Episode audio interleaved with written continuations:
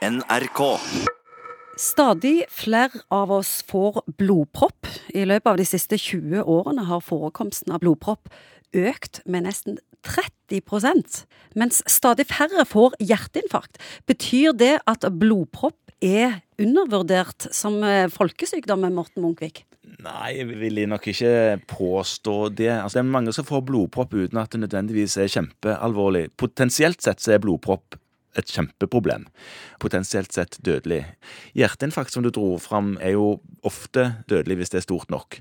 Men hvorfor øker blodpropp? Jeg trodde landet vårt ble sunnere og sunnere, men eh, det har økt med 30 Jeg slår blodproppalarm. Gjør du det? Ja. Sånn. Du slår på den eh, blodproppalarmknappen. Det er nok sånn at eh, altså Hvis det er mange som får en sykdom, og man øker med 30% så syns det er voldsomt i befolkningen. Men hvis det er veldig få som har en sykdom, og en øker den bitte lille andelen som får den lidelsen med 30% så er det ikke så veldig mange likevel som får den sykdommen.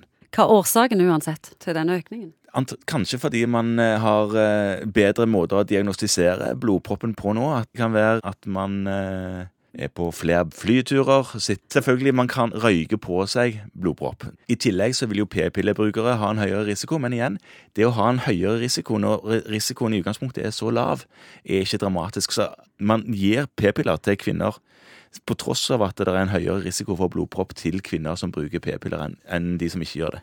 Jeg slo jo blodproppalarm. Ja, men det Vanskelig ord, det. Blodproppalarm. ja, men du har slått det likevel. Ja, nå Ja. Skal jeg ta det tilbake igjen? Det virker ikke så farlig.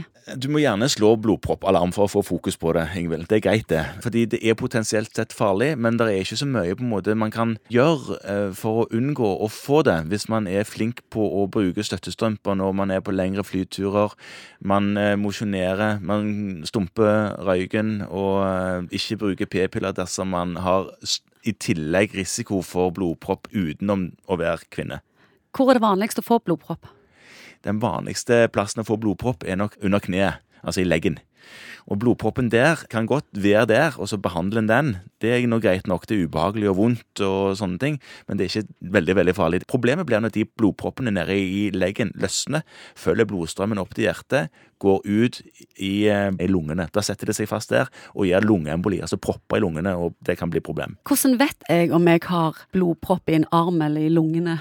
Du, du vet jo egentlig ikke, altså, men det er en del sånne klassiske tegn. Hvis vi tar leggen igjen, da, så vil diameteren på leggen være større på blodproppsida enn den andre siden.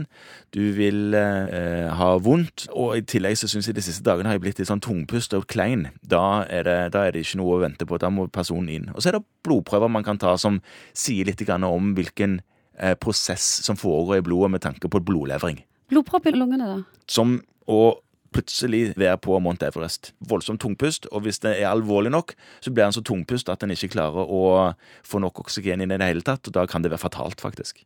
De som får det, er kreftpasienter, har en høyere risiko for å få blodpropp. Kvinner, kvinner som bruker p-piller, som i tillegg røyker, Og som ikke trener? og som ikke trener. Trening er en veldig god uh, idé hvis en skal unngå blodpropp. Og så er det de som har relativt banale blodleveringssykdommer.